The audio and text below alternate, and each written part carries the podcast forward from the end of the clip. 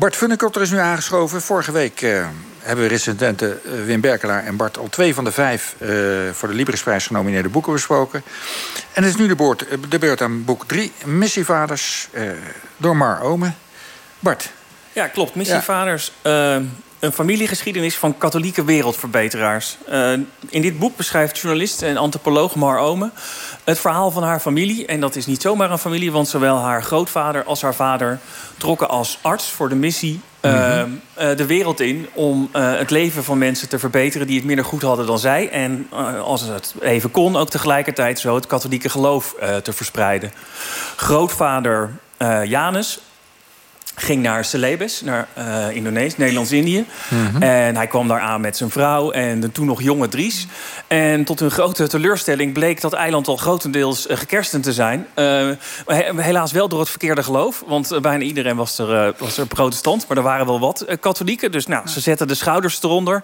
En de oma van Mar Ome, Stans, die ging met de lokale bevolking kuisen dansen doen. En, en weven en zo. Dus ze probeerden er wat van te maken. En ze leefden zelf het leven van een katholiek voorbeeldgezin.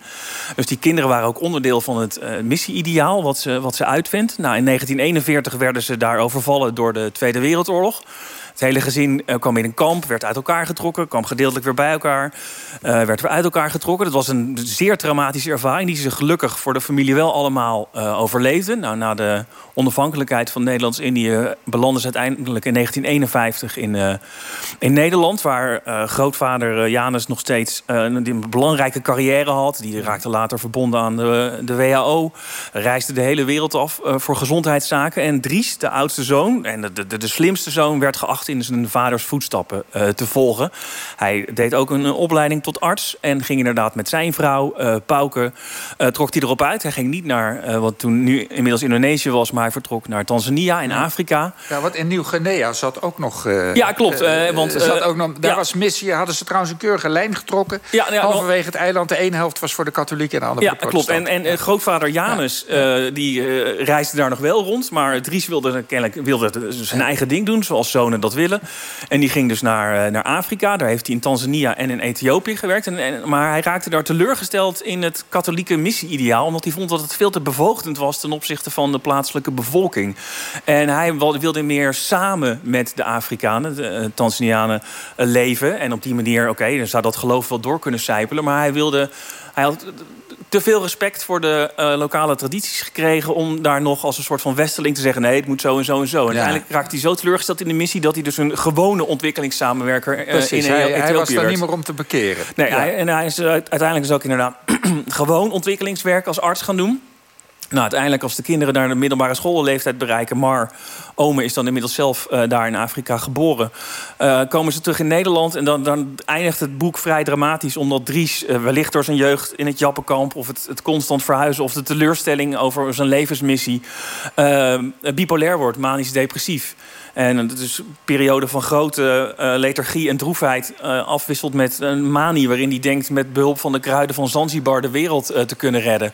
En de laatste decennia van zijn leven is hij dus niet langer werkzaam. En dat, dat boek eindigt dus best wel met een, met een klap. Het is het verhaal van twee wereldverbeteraars die elk op hun eigen manier tot de grenzen van hun, van hun kracht ja. zijn gedreven. En uiteindelijk dus zien dat de wereld misschien niet zo maakbaar is als ze zouden willen. En dat heeft gevolgen dus voor je als mens. Het is een heel persoonlijk verhaal. Het gaat niet over dingen... Want de missie heeft ook heel veel vreselijks gedaan natuurlijk in Afrika daar. Het is, het is een persoonlijk verhaal. En het is heel duidelijk omdat zowel Janus als Dries... Dus grootvader en vader bijna kritisch staan... ten opzichte van hoe de missie het invult. Uh, de, de, de, missie. Lees je, leer je wel over de, de, de feilen daarvan... van dat katholieke, dat katholieke ideaal. En het verspreiden van het geloof daar. Ja.